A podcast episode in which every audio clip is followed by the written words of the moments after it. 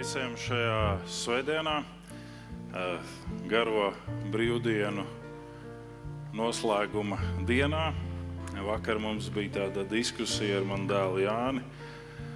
Viņš saka, kad tad mēs izdarīsim to darbu? Sestdien? Es saku, dēls, šodien ir sestdiena. Viņš saka, nē, šodien ir piekdiena. Es saku, nē, šodien ir sestdiena. Ah, okay. Un tā tad ir noslēdzies kāds zināms posms. Un es domāju, ka diezgan daudz no mums gaidīja šo posmu. Un diezgan daudz gaidīja šo garāko dienu, īsāko nakti. Bet šis posms ir garām. Un daudz kas mūsu dzīvē ir tieši tā. Nāk viena lieta, otra aiziet, kaut kas nomainās, kaut kas pārveidojās. Un, lai Dievs ir ar katru no mums, ka mēs, protams, pieņemt tās lietas, kas mainās. Lai Dieva žēlastība ir šajā dienā ar katru no mums. Un patiešām katrs izrunātais vārds un katra izdziedātā dziesma, lai nes izmaiņas mūsu rītdienā. Lūksim Dievu. Debes Tēvs, Tev pateicos par Tavu žēlastību un atkal žēlastību kas ir atklājusies mums tavā dēlā, Jēzu Kristu. Es pateicos, ka tu, Jēzu, neturēji par laupījumu līdzināties Dievam, bet sevi iztukšoji, pieņemdams kalpa veidu. Es slavēju tevi un pateicos, ka mēs katrs varam būt tavas žēlastības un tavu upuru mantinieki. Ka mēs katrs varam piedzīvot tavu svēto garu mūsos. Tavu svēto garu, kurš vada mūs uz priekšu, Tev svēto garu, kurš skaidro mums, māca un atgādina visu, ko tu Jēzu esi darījis, ko tu esi veidojis, kā lietas ir bijušas. Paldies Tev par to. Un Tavu žēlastību un svētību, lai runā uz katru no mums šajā dienā, Svētais Gars. Mēs to lūdzam Tev Jēzus vārdā. Lūdzam, lai tu runā cauri dziesmām, lūdzam, lai tu runā cauri vārdu, kas tiks skaidrots.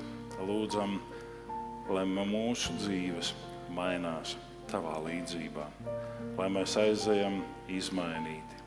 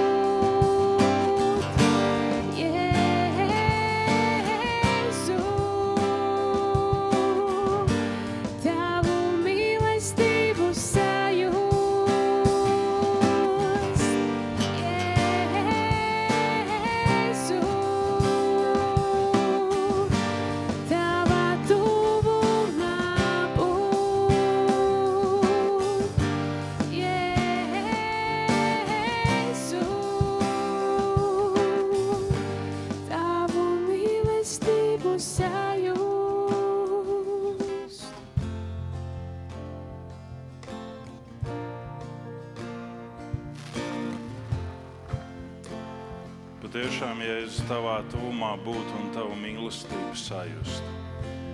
Mīlestība tajā, ka grēks top pretīgs mums ikvienam. Mīlestība tajā, ka grēcinieku mēs apžēlojam un pieņemam. Tavā tuvumā būt, tavu gaismu piedzīvot, katrs tur, kur mēs esam. Un šajā brīdī vienosimies kopīgā lasījumā no pravieša Jeremijas grāmatas, 6. nodaļas, 16. un 17. panti.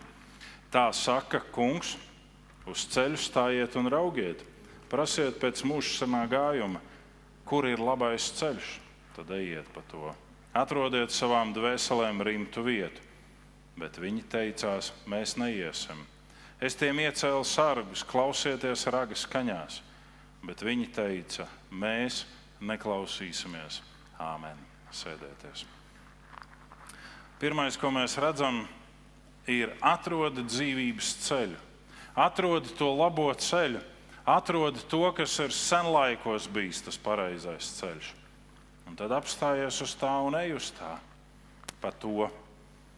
Bet cilvēki saka, nē, mēs neiesim. Cilvēki saka, mēs to nevēlamies. Un šis ceļš ir ar dažādām izpausmēm. Katram no mums nevis ir savs ceļš, bet katram no mums šis ceļš prasa savas izmaiņas, savu dzīvesveida restartu. Bet ir šis viens ceļš, kurš ir bijis jau no senlaikiem. Dieva likums ir paredzēts visiem laikiem un dzīves posmiem. Mēs esam aicināti to izzināt, izprast, bet citkārt vienkārši paklausīt un pildīt. Reizēm mēs sakām, bet es neizprotu kaut ko, vai man nav pilnīgi skaidrs, kāpēc notiek tā vai kāpēc notiek savādāk.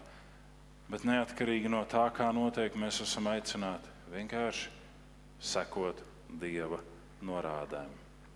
Otrā lieta, kur mēs redzam, ir ejiet pa to. Ej.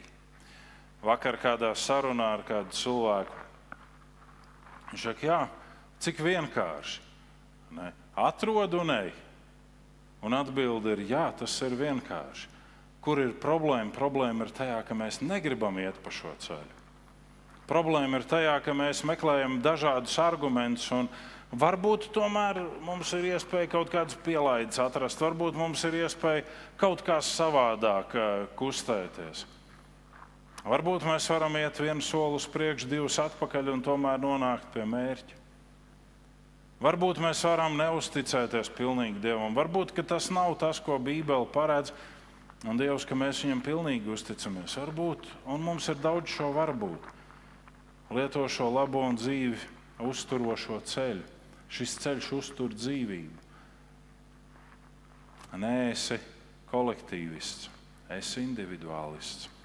Tas skar šo dzīvības ceļu jautājumu. Nesaki, kāpēc man jāiet pa to, ja daudzi nestaigā šo ceļu. Izteiksme daudzi vai nedaudz ir ļoti leģitīma. Runa ir par tevi, runa ir par mani. Reizēm esot uz šī ceļa, Tu skaties, jā, bet man ir tādi draugi, un viņi neiet šo ceļu, un man ir tādi draugi, un viņi arī neiet. A, kāpēc man jāiet? Atbilde ir, bet ja tu tiec aicināts. Jēzus Jāņa Evangelija 21. nodaļā runā ar Pēteru un saka, seko man. Un tad Pēters apgriežās un ierauga apakstu Jāni un saka, jā, bet kungs, kas būs ar to? Jēzus saka, kāda tev daļa, kas būs ar viņu? Tu seko man. Tu seko man. Mēs visi esam šajā ceļā. Sekosim šim aicinājumam. Un tad ir šī skarbā izteiksme, bet mēs to nevēlamies. Cilvēki sev par sodību izvēlās ļaunumu un pēc tam vaino Dievu visā sliktajā, kas notiek ar viņiem. Cilvēki, un tas ir ne mans teiciens, tērē laiku, lai nopelnītu daudz naudas. Un tad tērē to naudu, lai saremontētu savu veselību. Kur ir loģika? Jo darot pārāk daudz, tu zaudē savu veselību. Te nav runa par to, ka tu strādā normāli, bet runa ir par to, ka tu pārstrādājies, un tad tu zaudē savu veselību. Un mums šorīt bija kāda diskusija par kādu konkrētu cilvēku, kurš saņem pienācīgu labu algu darba vietā, kur ir veselības apdrošināšana, kur ir prēmijas un vispārējais.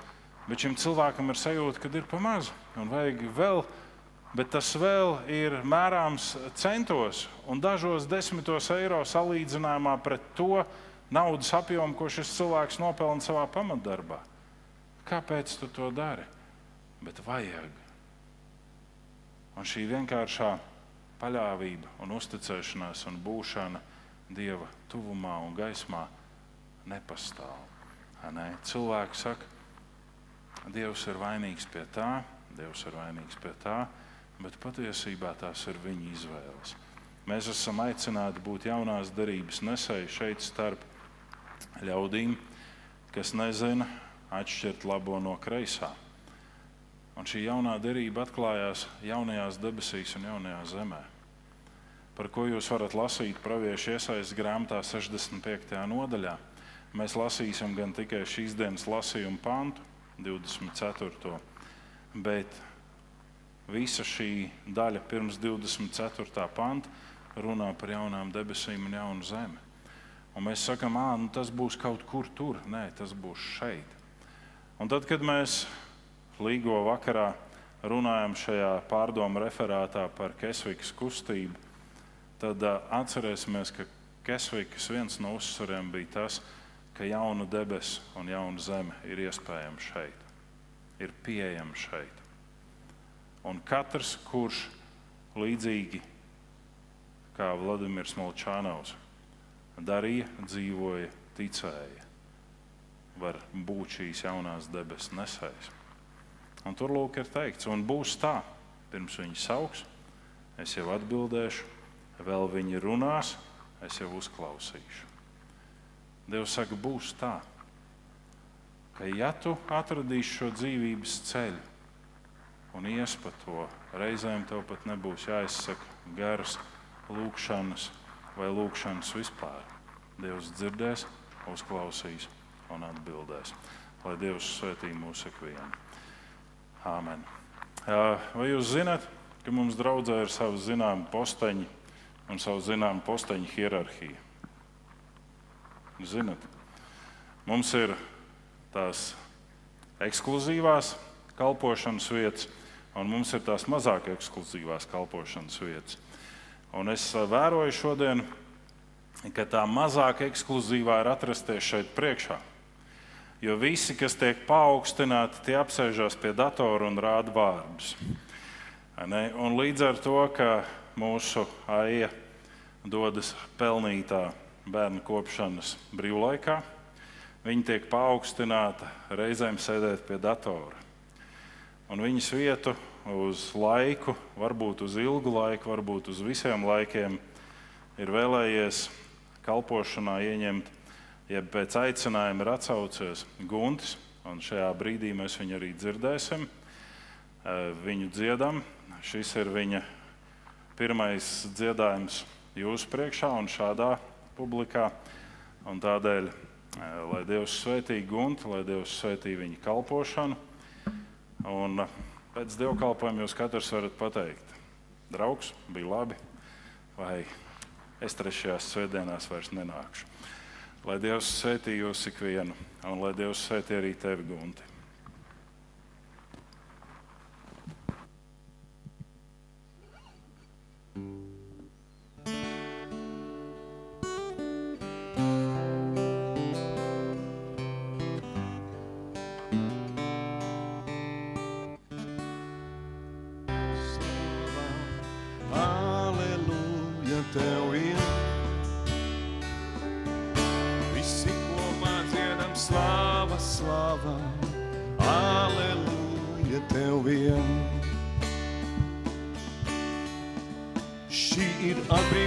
Dziesma, kas no līdzenumiem Āfrikā skan. Nodoto dziesmām cauri Amazonas lietiem tā skan. Un šī ir Āzijas dziesma, svētās uguns piepildītā. Kad cilts katra mēlē un tautā, mīlestības dziesmu dzied. Lai visi kopā dziedam slāva, slāva, aleluja tev vien. Visi kopā dziedam slāva, slāva, aleluja tev vien. Visi kopā dziedam slāva,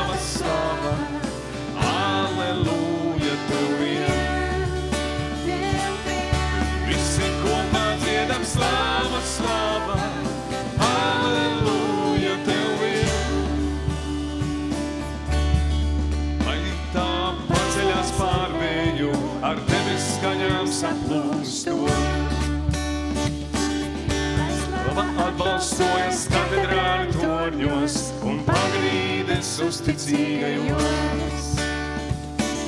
Un visām dziesmām, kas ir izdziedātas, dažām vien ir lemts pastāvēt. No tūkstošu smāļu zvanu mājām neviena, neskan patiesā par šo. Lai visi kopā dziedam slāva,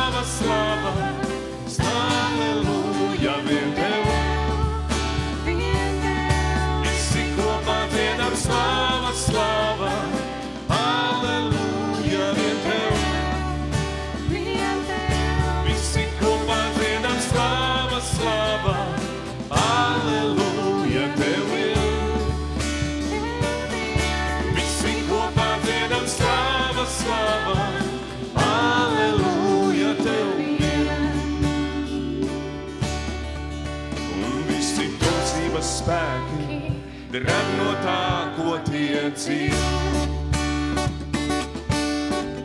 Jo visi tumsības spēki neviena vārda nespēj dzēst. Un visi tumsības spēki dreb no tā, ko dzīvo. Un visi tumsības spēki neviena vārda nespēj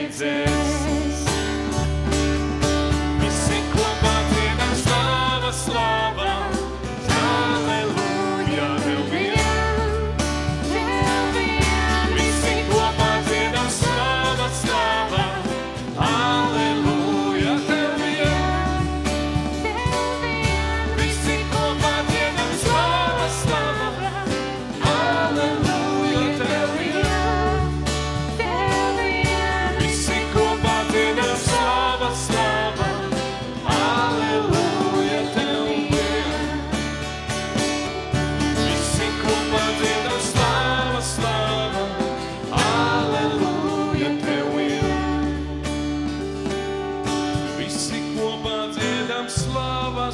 Slāva, aleluja tev vien.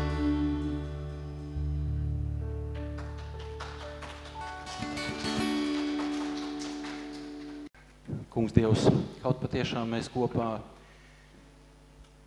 ar visiem eņģeļu pulkiem, jā, šeit zemes virsū atrodoties, varētu dziedāt slavu, slavu Tev.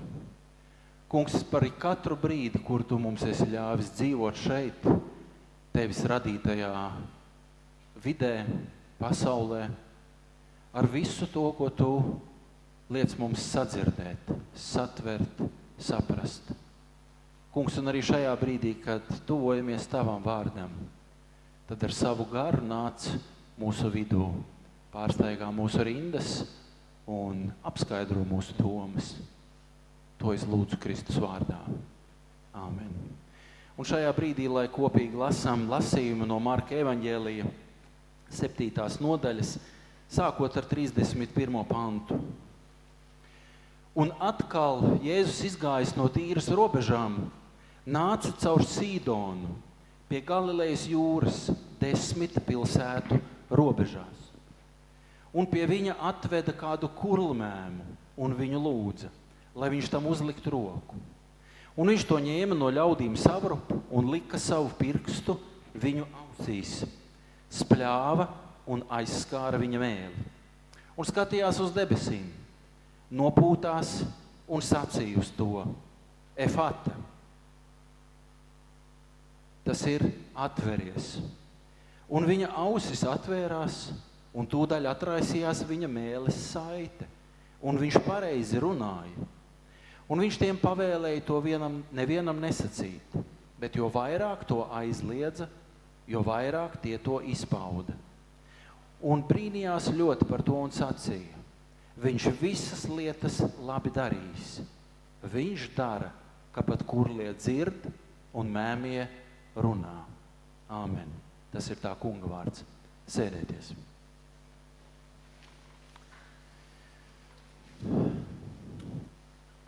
Šī ir viena no tām reizēm, kad atkal ir jāsaka, ka mēs gan tuvumā dzīvojot ar savu brāli, ar Uģi, neesam pārunājuši ne šī dievkalpojuma kārtību, ne tematiku, bet kā jau jūs ievada lasījumu kopīgi lasot, varējāt lasīt, dzirdēt, tad arī tur ir runa par kaut kādiem atteikumiem.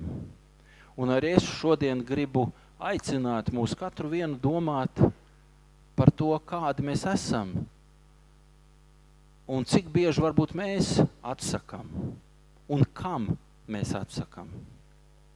Kādā veidā mēs atsakām.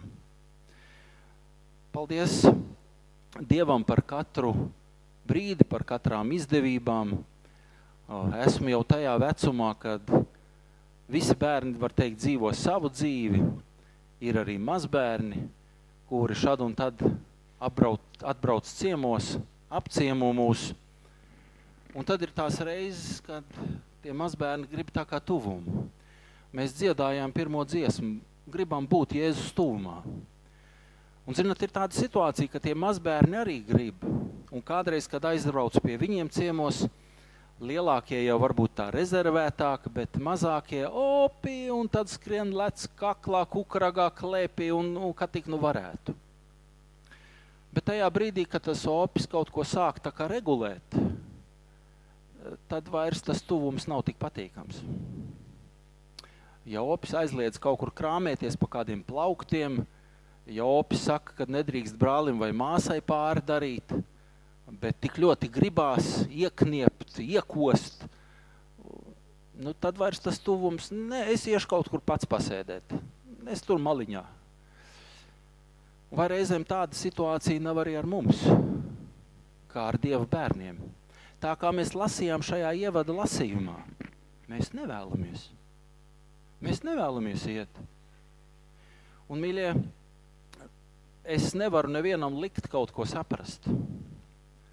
Es, es varbūt atļaujos šajā brīdī teikt, ka ir kādas lietas, ko varbūt mēs kā garīdznieki nedaudz vairāk saprotam, bet mēs neesam tie, kas varam kaut ko izskaidrot.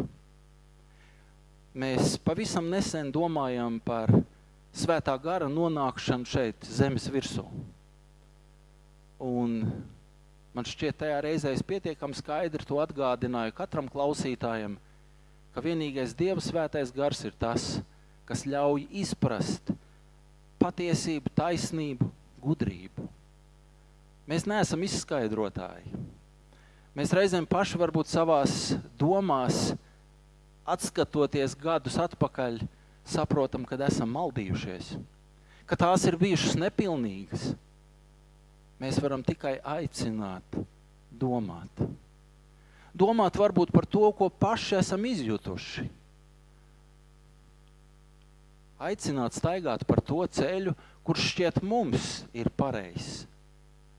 Bet vai tas jums vai tev tas ir pareizs? Un vēlos šajā dienā aicināt jūs domāt par divām lietām. Pirmkārt, kā atveras kurlā ausis, un otrkārt, kā var likt mēmajam runāt. Un, zinat, gadiem ejot, arvien vairāk es sajūtu šo vēlmi. Katru rītu atverot acis, Dievam pateikties par žēlastību. Varbūt pirmajā brīdī, kad prāts, domas saprot, ka es varu atvērt acis, nemaz man vēl nav tāda apjausma, ka man rokas kustās, kājas kustās, ka varbūt šorīt mugura nesāp tik daudz, cik viņa sāpēja vakar, kad es varēšu izcelt savas kājas no gultas. Šodien sazvanoties ar mammu, jau balsī var dzirdēt tādu, tādu pesimismu, nostalģiju, tādu noskumšanu. Un tad es teicu, bet tā taču ir žēlastība, ka tu esi dzīve. Nu, tas gan dēls. Vai mēs novērtējam to? Arī pat tad, ja mēs varbūt kādā savā dzīves posmā esam bijuši mazticīgi, neticīgi, vai mēs novērtējam, ka mēs esam dzīvi, ka mēs esam darboties spējīgi. Skatoties uz pasauli, tad ļoti, ļoti daudzos gadījumos jāsaka, mēs to kā sabiedrība nenovērtējam. Nu, es pilnībā varu piekrist daudzu izteiktajam viedoklim, it īpaši šajos laikos mēs nezinām, kas būs rīt, pēc gada, ja vēl pasaule griezīsies un Dievs parādīs savu mīlestību un Kristus žēlastību. Bet daudzkārt ir jāsaka, mēs esam kā vāveres ritenī. Es par sabiedrību kopumā šobrīd saku. Ne tikai par mums, kā par ticīgajiem. Un mēs bieži savā sarunā sakām, te rīts, te vakars un nākamais rīts. Un bija piecas brīvdienas, šodien ieskaitot. Vai jūs to tā izjutāt? Nu, ka tāds mazais atvaļinājums bija. Kādi izjūta, kādi klusē. Gribās teikt, tā dzīve paskrien tā kā filma gar acīm. Un iedot varbūt gadu atvaļinājumu. Es nezinu, kā tas ir pilsētā dzīvojošiem, bet man, man provincē esošam, man liekas, arī tas gada atvaļinājums paskrietu tā kā viens elpas pūtiens. Un tu nespētu attaptos, attapties, kad jau ir nākamais gads. Mīļie, divas lietas – kā atveras kurlam ausis un kā var likt mēmajam runāt. Pirms mēs atgriezāmies pie Kristus, sapratām to, ka mums ir savi grēki jānožēlo. Neapvainojieties, arī es tajā skaitā. Mēs visi bijām kurli un mēmi. Jūs droši vien ļoti labi atceraties to laiku, kad tā tas bija. Bija citas prioritātes. Ja mēs kādreiz dzirdējām kaut ko par Dievu, sakām, varbūt, varbūt vienkārši vecāki, vecvecāki lasīja Bībeli skaļā balsī mājās.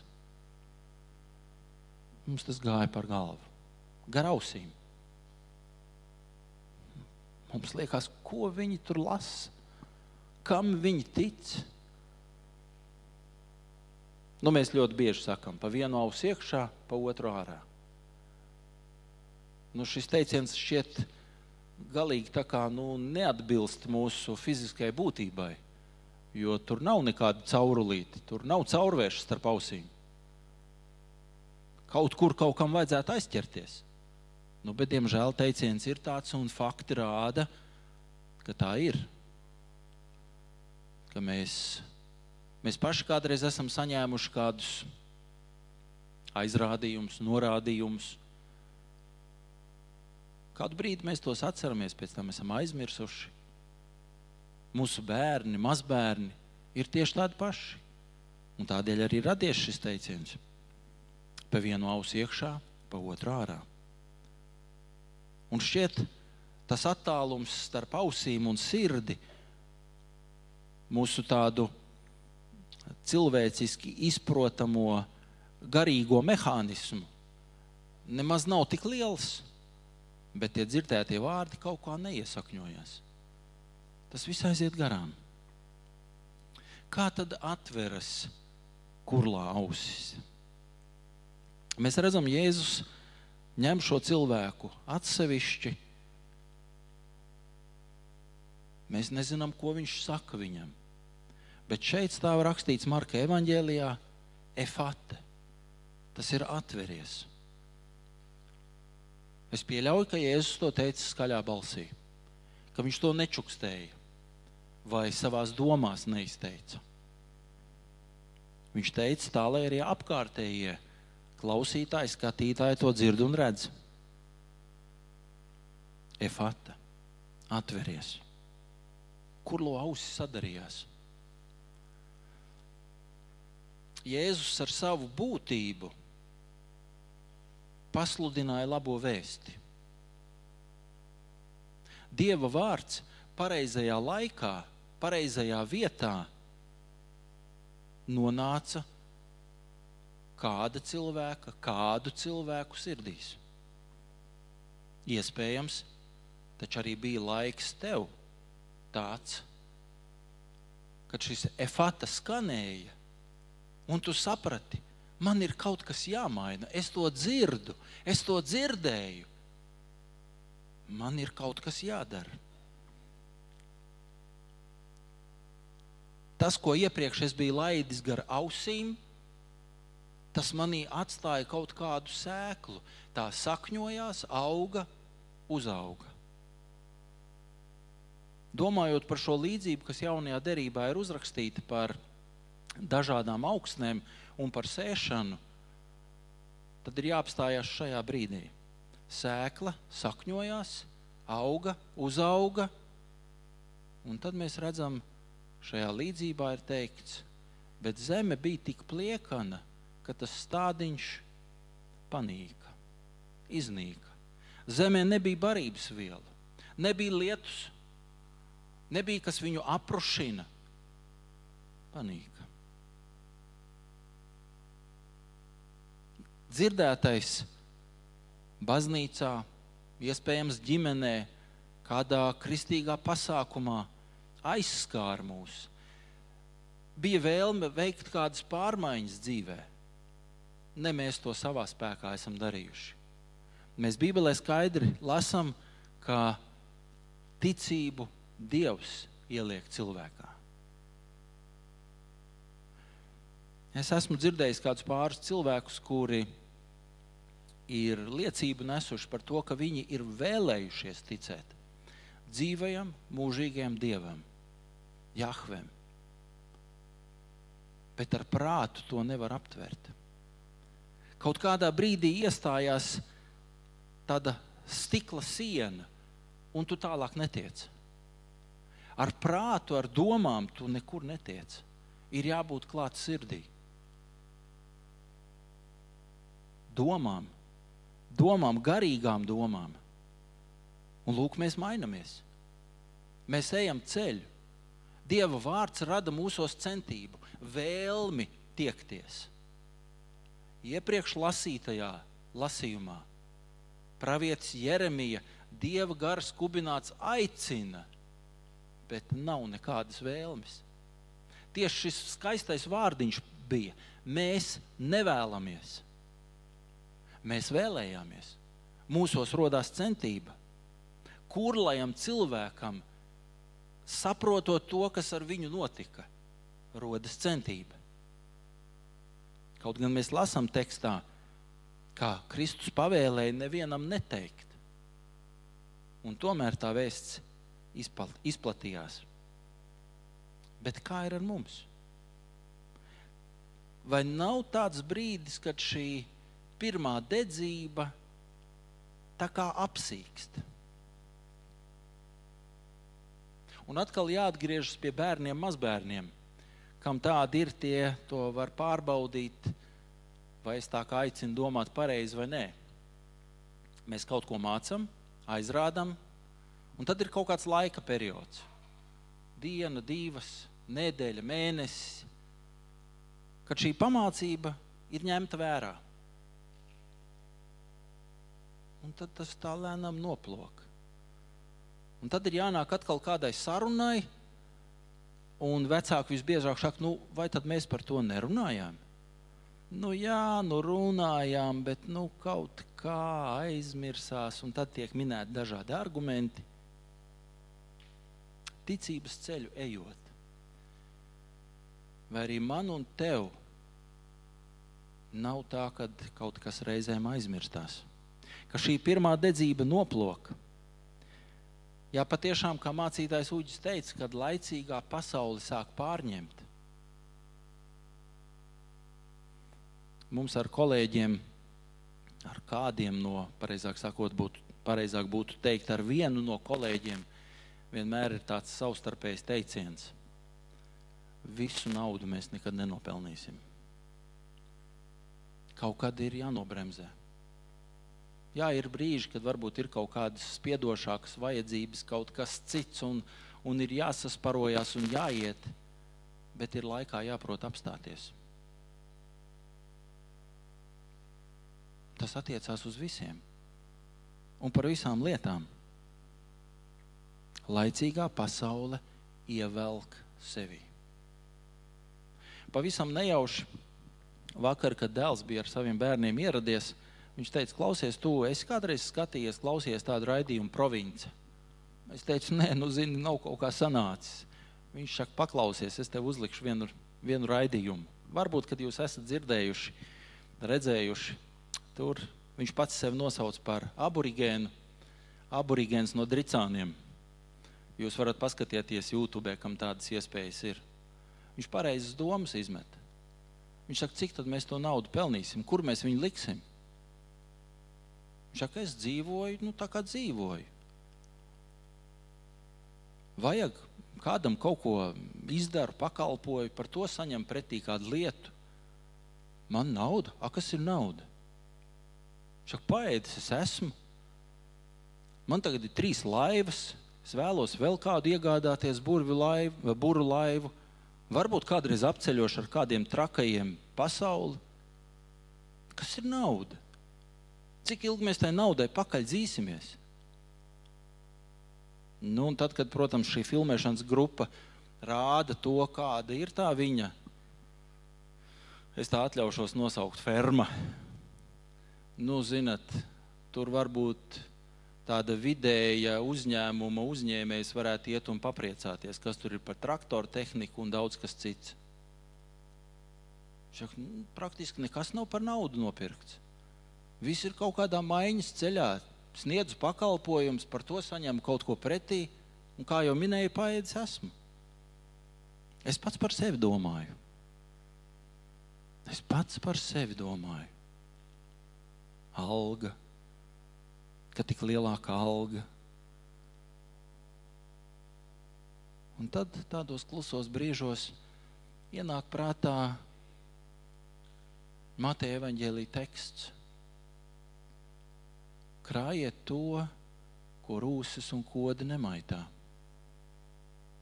Kas ir tas, ko es paņemšu līdzi šajā ceļojumā uz debesīm? man liekas, vienā un citā bēru gadījumā redzot un dzirdot palicēju attieksmi un stāstus pret aizgājušajiem, nu, zinat, man tas liekas smieklīgi. Kad mēs liekam naudas makus zārkā līdz aizgājušiem, telefonu, brilles varbūt ieliekam līdzi, jā, nu, man varbūt vajadzēs. Nu, noteikti vajadzēs, jā nemaz nesmējieties. Pilna Latvija ir ar tādiem pesteļu pilniem cilvēkiem, kas tā domā, ka tas būs viss vajadzīgs. Un zem spilventiņa arī noteikti jāpaliek ir Bībele, jo tā arī noderēs. Nu, varbūt kādam kapracim, kad viņš uzraksies uz iepriekš glabāto, varbūt noderēs, varbūt būs par svētību. Bet tam, kas tur guļ, tam to vairs nevajag. Kādi esam mēs? Kāpēc apdzisa tā, tā pirmā dzirdēšana? kur viņa palika. Šis cilvēks, par ko stāsta evanģēlists Marks, bija kurls kopš dzimšanas. Kurlmēms. Man darbā ir kādi kolēģi, viens tieši kolēģis, kas strādā manā iecirknī, kas ir vājdzirdīgs, un ir vēl kādi divi, kas ir patiešām kurlmēmi. Un, zinat, man ar viņiem kopā strādājot, vienu un citu lietu risinot, ar vien lielākas tādas pārdomas pārņem, cik grūti patiesībā ir tādam cilvēkam. Nu, nemaz nedomājot par to, ja kāds piedzimst akls. Gribās teikt, pasarg Dievs. Ar šo, kas man ir tuvāks, varētu teikt, darba kaimiņš, kurš ir vājdzirdīgs, mēs tīri labi komunicējam. Bet es nemāku zīmju valodu. Ar tiem pārējiem diviem es gandrīz nevaru sarunāties. Jo viņi arī nav tik tālu var teikt, sevi attīstījuši, ka viņi no lūpām lasītu. Un, ja arī viņi to dara, tad es nesaprotu, ko viņi man rāda. Bet tā taču nav ar Kristu. Tā taču nav ar Dievu. Viņš skaidri, saprotami runā dažādā veidā. Caur līdzcilvēkiem, jā, patiešām caur draugu, caur vārdu sludinātāju, caur kalpotājiem. Kur apdzisa tā mūsu dzirdēšana? Es nevaru atbildēt. Katram pašam ir jādomā un jāsecina.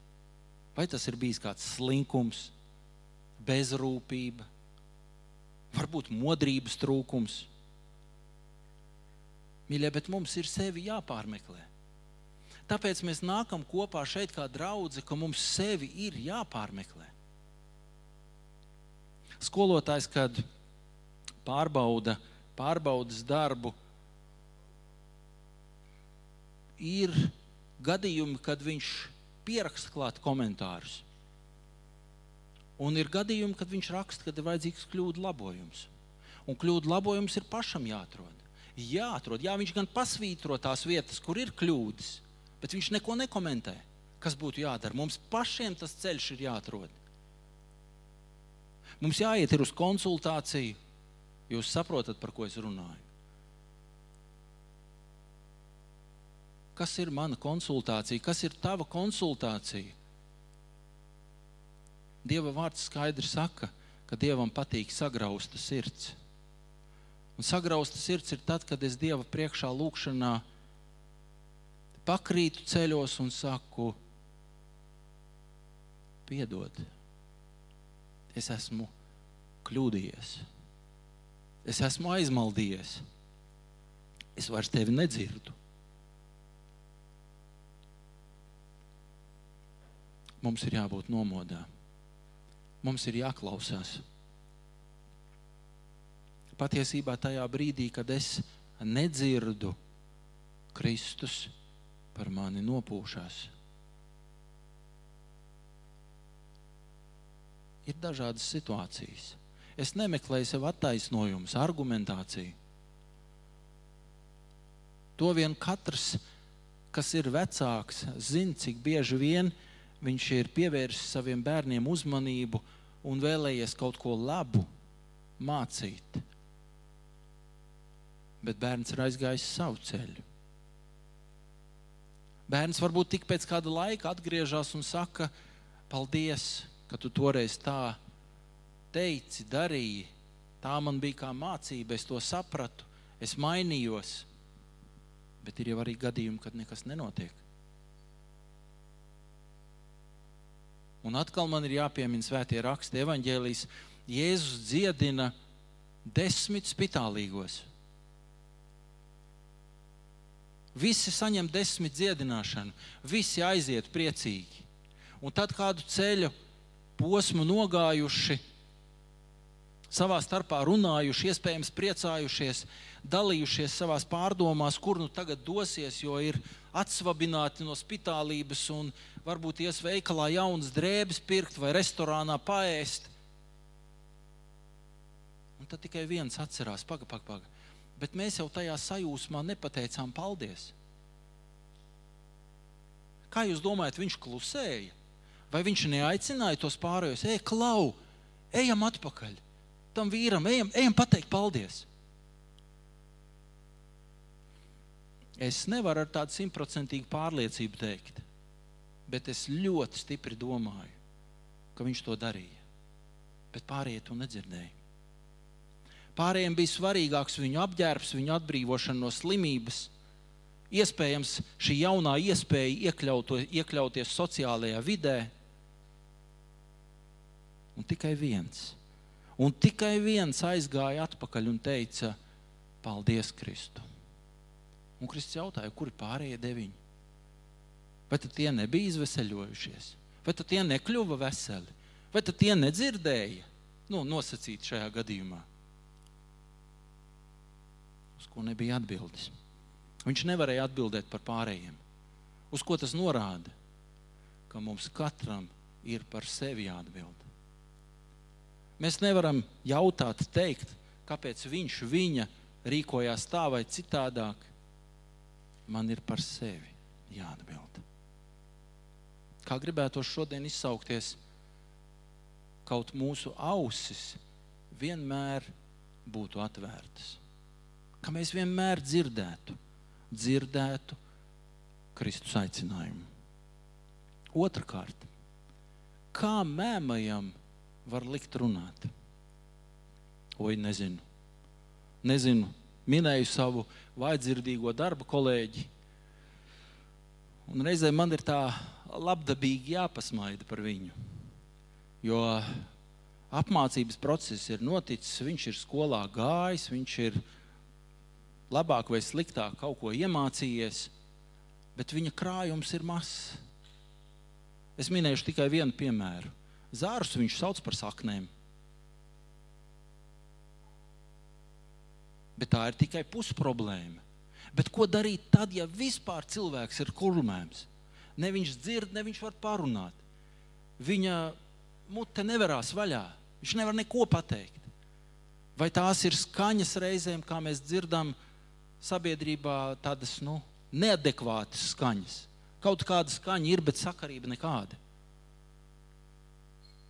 Kā tad rīkoties? Tad, kad mēs atrop, atrodamies tādā bezrūpības stāvoklī, kā Kristus sekotāji, nu tad atkal jālieto tāds latviešu teiciens - ne cepts, ne vārīts. Nu, mēs esam mēmi.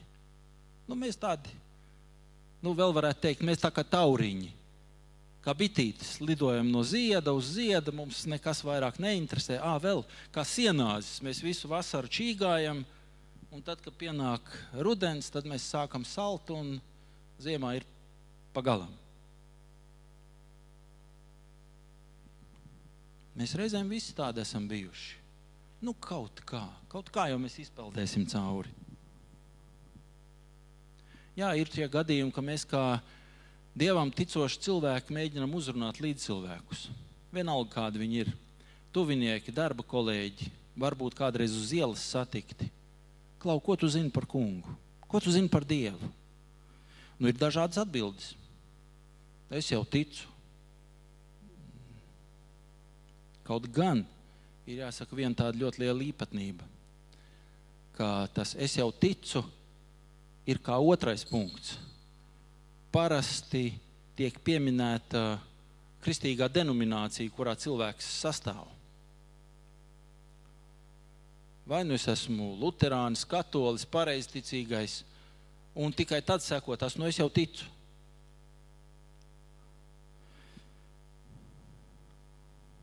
Un kad mēs vairāk runājam, iegremdējamies šajā sarunā, tad varbūt cilvēkiem pat nav īsti saprašanas. Kam viņš tic, kāpēc viņš tic? Varbūt tikai tradīcijas pēc, jo tajā draudzē mani vecāki jau bija, iespējams, pat vecvecāki. Kad tu cilvēkam jautā, uz kurien tu ej? Nu kā? Es strādāju, es rūpējos, lai bērniem viss būtu, lai man būtu. Nu, un pēc tam, nu, būs da, būšu daudz sapelnījis, nopelnījis, būs laba pensija, iešu pensijā. Ja nē, tad strādāšu līdz nāvei. Nu, labi, un tālāk. Nu, tālāk kas? Nu, tālāk jau nekas. Ja bērns vai bērni būs tādi labvēlīgi, nu, tad nopirks man jaunu uzvalku, vai kādu no vecajiem izvēlēsies, nopirks skaistu zārku, labs orķestris būs, labs izvadītājs. Nu, un, nu, un. Kā jau minēju, nu, ko tas dod, kad liek pulksteni, telefonu, bībeli? Nu, es nemaz neminu, ka kāds arī ieliek kaut ko stiprāku. Mazu kočiņu zem spilvena. Absurds. Nu, un tālāk.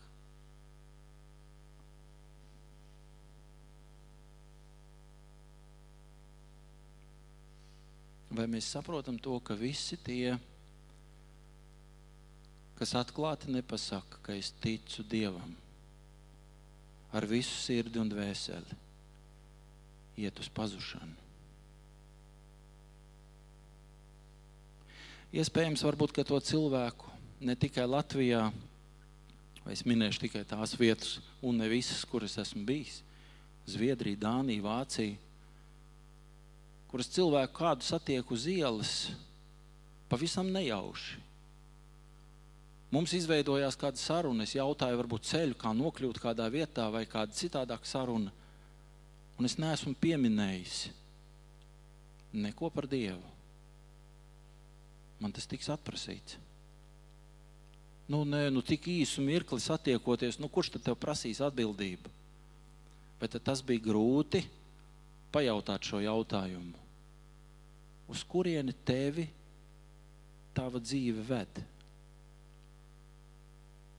Vai tu pazīsti glābēju?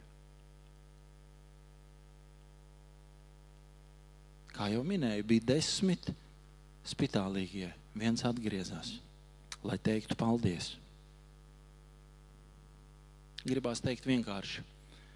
Sabiedrības lielākā daļa uz mūžību šodien dodas kurli un mēmi. Es aizvadītajā nedēļā pavisam nejauši tādā ātrā skatījumā pārskatīju kādu filmu. Ja nemaldos, viņa bija 2003. gadā izdota filma Lielais Vilnis par Norvēģiju. Es nekad nevarēju iedomāties, nebiju interesējies, nebiju sastapies ar tādu informāciju, kad šie klinšu kalnāji, kas ir ap fjordiem, mēdz nobrukt. Iekrītot fjordā, ūdenī rada milzu vilni. Un šī filma ir balstīta uz reālu dzīvi, uz reāliem pamatiem, uz liecībām. Un kādā šajā ciematā, fjorda tūmā, nakts vidū atskan trauksme. Un tur kādi cilvēki atrodas viesnīcā, un viens vīrs parādās koridorī, pa kuru skrien savukārt tā sieviete, kas strādā administrācijā, reģistrācijā. Viņš paver šīs durvis un viņš saka, nu, kas tad tās ir atkal mācības? Vai mēs arī tā bieži vien nerīkojamies? Dzirdot trauksmes signālu, mēs domājam, ka tās ir mācības. Mēs neustveram nopietni.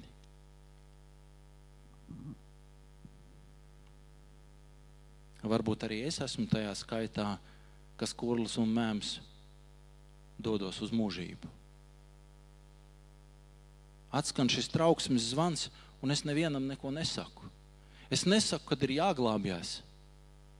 Kā atraisīt man savu mēli, lai es runātu? Jā, es jau teicu, ir dažādi gadījumi, kad tu cilvēkam uzdod kādus jautājumus. Viņš saka, nē, nē, nē, šī tēma ir slēgta. Par to nerunājam. Es respektēju, es cienu tavu izvēli. Bet vai tāpēc es citiem vairs par to nesaku? Nejautāju.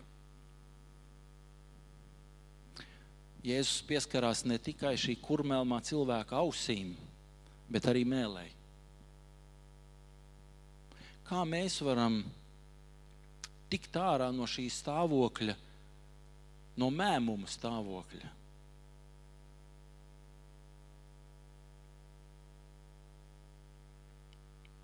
Tādēļ arī savus pārdomas sāku ar šo teikumu, ar tādu teikumu, pateicību par žēlastības laiku. Pateikties Dievam par žēlastību, kas man ir parādīta. Un tas vienmēr man ir radījis izbrīnu. Jā, es esmu viens no tiem garīdzniekiem, kuri, ja vien tas būtu arvien vairāk ļauts un būtu iespēja, es tiranizētu draugus locekļus ar lūk, ar aicinājumu uz atklātām lūkšanām. Jo tik bieži draugs klusē. Un kad tu jautā sarunā viens pret viens, nu nē, nu mācītājiem, es jau tā nevaru, kā, kā tu, tev jau tik skaisti sanāk. Pa, pa, pa, pa. Dievam nevajag nekādu skaistumu. Dievam vajag tavu sirdi, Dievam vajag dzirdēt, ko tu saki. Protams, es nedomāju, ka kāds varētu iedomāties, ka ar Dievu vajadzētu runāt necenzētiem vārdiem. Un nevajadzētu tiekties arī pēc enzelīna izrunām. Bet normāli, normāli. Kungs, es tev pateicos par dienu, par apģērbu, par maizi, par darbu, par naudu. Nu, ir tik daudz. Tas mūsos radītu šo runas mākslu. Jo atbrīvojoties arī no sava kurluma un šādā veidā ar Dievu runājot, es esmu pilnīgi pārliecināts, ka Dievs atraisītu mēli runāt arī ar citiem cilvēkiem. Es šobrīd nevienu nenosodu. Es neesmu nevienam blakus stāvējis. Es neesmu neviena tiesnesis, bet es aicinu pārdomāt šīs lietas. Mīļie, mums ir jābūt modriem. Mums ir jābūt modriem par sevi. Un mācītājs Uģis jau pieminēja, viņš teica, pieminēja Pēteri, kad Pēters jautāja, kas ar to būs? Un Kristus tik strupi atbildēja, kas tev daļas par to? Tu domā pats par sevi. Mums bieži vien gribās ļoti lielā mīlestībā pret citiem, citus kaut kā uzmundrināt un palīdzēt viņiem. Un tajā pašā laikā mēs paši guļam.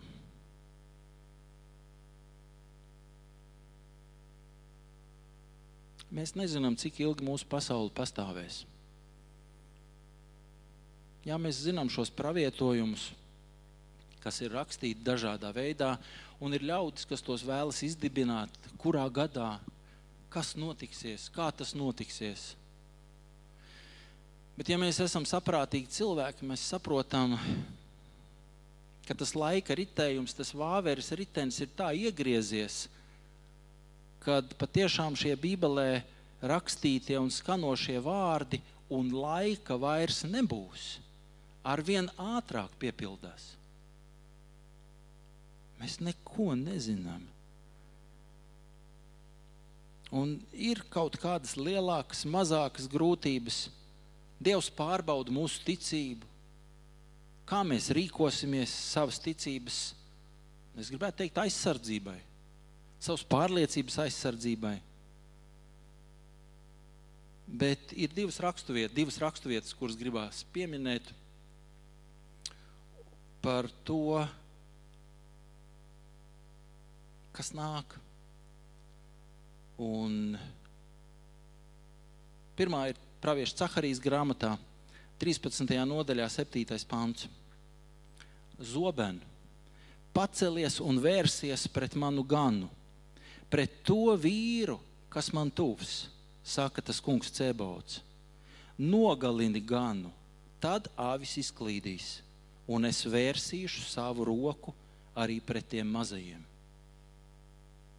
Un otra raksturvieta ir Mateja Evanģēlijas 26. nodaļa, 31. pāns. Tad Jēzus tiem saka saviem mācekļiem: Jūs visi šī naktī pret mani apgrēcināsieties, jo stāv rakstīts: Es sitīšu ganu, un ganāmā pulka āvis izklīdīs. Vai mēs arvien biežāk pasaulē neredzam, ka lielie un varenie saceļās pret Kristu, pret Dievu, pret Dieva ielikto kārtību? Arī mēs sākam nīkuļot. Nu, ko tad mēs? Es bieži vien ķircinot un kaitinot savai sievai saku, nu kas tad es? Es jau neko. Es jau neko nevaru tad viņi paliek traki, dusmīgi. Bet vai mēs kā ticīgie tā nedarām? Nu, ko tad mēs? Jā, tur ir miljoni ar ticīgajiem pasaulē, bet nu, salīdzinot pret tiem miljardiem, nu, ka, nu, nu, mēs jau neko. Mēs tādi nabadzīgi. Nu, mācekļi tieši tāpat domāja. Tie 11 vīri tieši tāpat domāja. Un esot pa, pavisam tādā niecīgā laika atstarpē, esot kopā ar Kristu pēc Kristus nāves, viņi tieši tāpat domāja. Bet, mīļie, es esmu pārliecināts, es ticu tam, ka Dievs spēj sagraut Ahitofela nepareizos padomus, padarīt tos nesošus. Jūs atceraties, kas ir Ah- Ahitofels? Dāvida ķēniņa Dāvida laikā, kad viņa dēls, vecākais dēls Absaloms, sāka darboties pret tēvu, zaga vīru dvēseles, kā dieva vārds liecina. Viņš deva labus padomus šiem cilvēkiem, nosacīti labus un viņš paņēma sev par padomdevēju ķēniņa, sava tēva Dāvida padomdevēju. Viņš nebija muļķis, šis vīrs, bet viņš deva tādus padomus, kas nepatika dievam un kaitēja ķēniņam Dāvidam. Dievs spēja šos Ahitofela padomus ja ne sagraut, tad attālināt un apturēt. Uzreiz prātā nāk un nevarēšu pateikt raksturvietu, precīzu raksturvietu. Man šķiet, tas ir Mateja evaņģēlijs, bet varbūt kļūdos, ka Jēzus saka, lūdziet, lai vajāšanas nenotiek ziemas laikā. To var saprast dažādi, burtiski, un ne tik burtiski. Lūdziet, tā tad mana lūkšana spēja kaut kādas lietas ietekmēt. Un turpat Jēkaba vēstulē stāv rakstīts, kur divi vai trīs vienā prātā lūdz, tas tiek uzklausīts. Kur miljoni lūdz vienā prātā, tas tiek uzklausīts. Es nemaz neiedziļinājos šajā rakstā, bet ziņas pārlapojot, es atkal redzēju to, ka kāds virsraksts vēsta to, ka mūsu varas pārstāvji no mazās Latvijas, kur ir pusotra miljona iedzīvotāji, nu, es tā vienkāršoti saku, aizstāv kādas minoritātes Eiropas priekšā, kur kāds ir atļāvies kaut ko noniecināt. Gribat meklēt paši, neko vairāk skaidri neteikšu. Jo drīz pienāks laika, kad arī par šādiem vārdiem Latvijā mācītājus liks cietumā.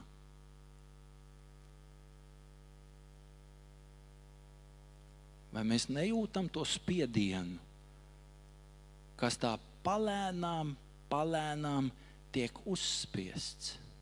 Tā nemanot. Dažne dažādas kontroles. Es neesmu slims. Man nav ne schizofrēnija, ne kaut kas cits. Man vismaz šķiet, ka es ļoti skaidri domāju.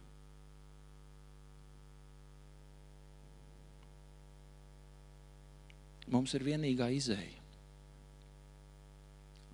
tikt brīviem no sava kurluma, lūgt Dievam, lai mūsu mēlis tiek atraisītas, ka mēs spējam lūgt par sevi, par citiem, par mūsu valsti, par daudzām citām valstīm, kur ticības dēļ cilvēki tiek vajāti. Par to, ka patiešām mums ir tik ļoti nepieciešams, ka lai Dieva gars mūs sapulcina visus vienopus, ka mēs varam būt vienā prātā, ka mēs nešķeļamies kaut kādu mazsvarīgu lietu dēļ. Jo visbiežāk tā ir.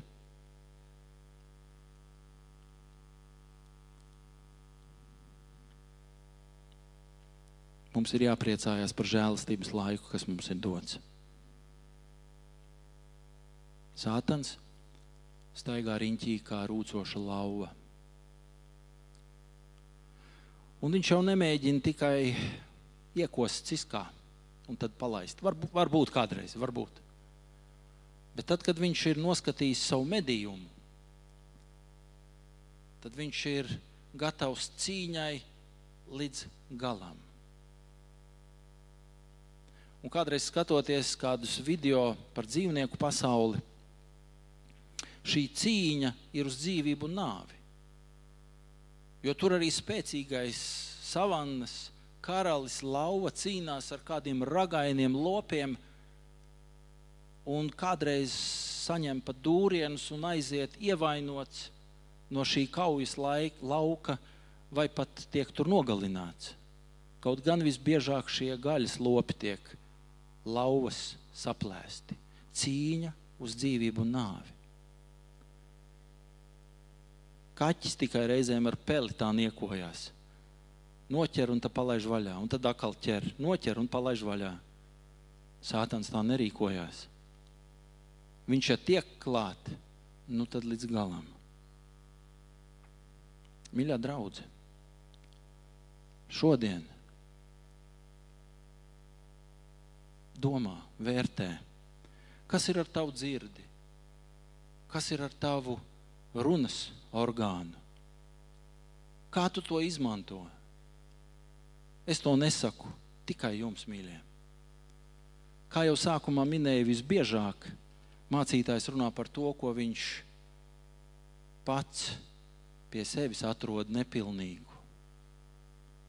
Un tad man ir jāsaka, ko kādreiz mācītājs, Rīgas Agenskalna draugs mācītājs Edgars Mažs teica, kad viņš kādā svētrunā ir runājis par grēku, un viņš ir draudzē teicis, arī es esmu grēcinieks. Un pēc dievkalpojuma viņš ir sveicinājies ar draugu, ar visiem klātesošajiem, un tur pie durvīm ir stāvējis kāds vīrs, nepazīstams vīrs, un viņš ir arī ar viņu sveicinājies. Un tad, kad viņš ir sveicinājies, viņš ir sajūtis alkohola dvingu. Šis vīrs ir bijis ierēbis. Un viņš tā smīnot ir teicis, ak, tad jūs mācītāji arī esat grēcinieks. Jā, mēs visi esam grēcinieki. Bet tikai ir liela starpība. Vai mēs esam atpirkti grēcinieki, vai grēcinieki, kas vēl joprojām dzīvo savos grēkos?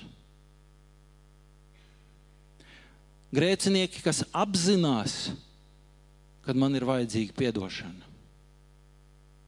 Un tad patiešām, saņemot šo atdošanu, es arī vairāk tā nedaru. Vai grēcinieki, kas arvien vairāk slīkst savos grēkos. Mīļie, kas mēs esam? Kurlmēmi, dzirdīgi, runājoši. Kas mēs esam? mūsu ģimenē, mūsu draudzē, sabiedrībā, kurā mēs kustamies. Kas mēs esam? Lai Dievs svētī pārdomas, lai Dievs svētī šos soļus, kurus pārdomājot, mēs Dievu lūdzot grasamies spērt. Ka mēs patiešām kļūstam ar vien dzirdīgāki, ar asāku dzirdi, Jā, un es nekautrējos teikt, ar asāku mēli. Nu, ne tādā ziņā, ka mēs kādu varam ievainot, viņa patmīlību ievainot, bet ka mūsu mēlē paliek ļoti precīza, bez liekiem vārdiem. Kad kalpoju savā pirmajā draudzē, ģipkas draudzē, tad svētrunas laikā kāds vīrs gados jau piecēlās. Viņš teica, mācītāji izbeidz caur puķiem runāt. Runā skaidri. Paldies viņam! Paldies viņam! Mēs bieži vien mākam runāt caur puķiem, dzējā runāt. Bet tad, kad vajag kaut ko sakarīgu pateikt, mūsu mute ir cieta. Gribās teikt, pavisam vienkārši. Mīļie līdzcilvēki, mīļā draudzene, ar Dievu palīdzību. Tikai un vienīgi ar Dievu palīdzību. Āmen!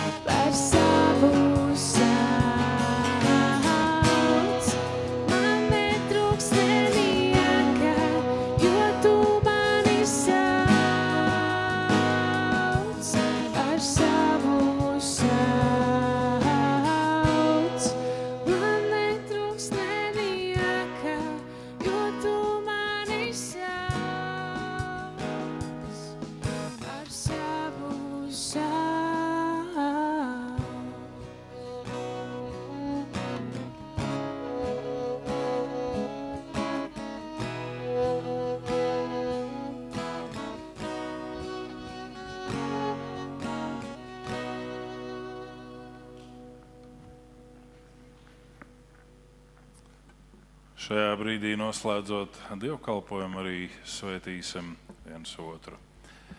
Kungs tevi svētī un tevi pasargā. Kungs apgaismo savu vaigu pār tevi un ir žēlīgs. Kungs uzlūko tevi ar lapatiku un dod tev savu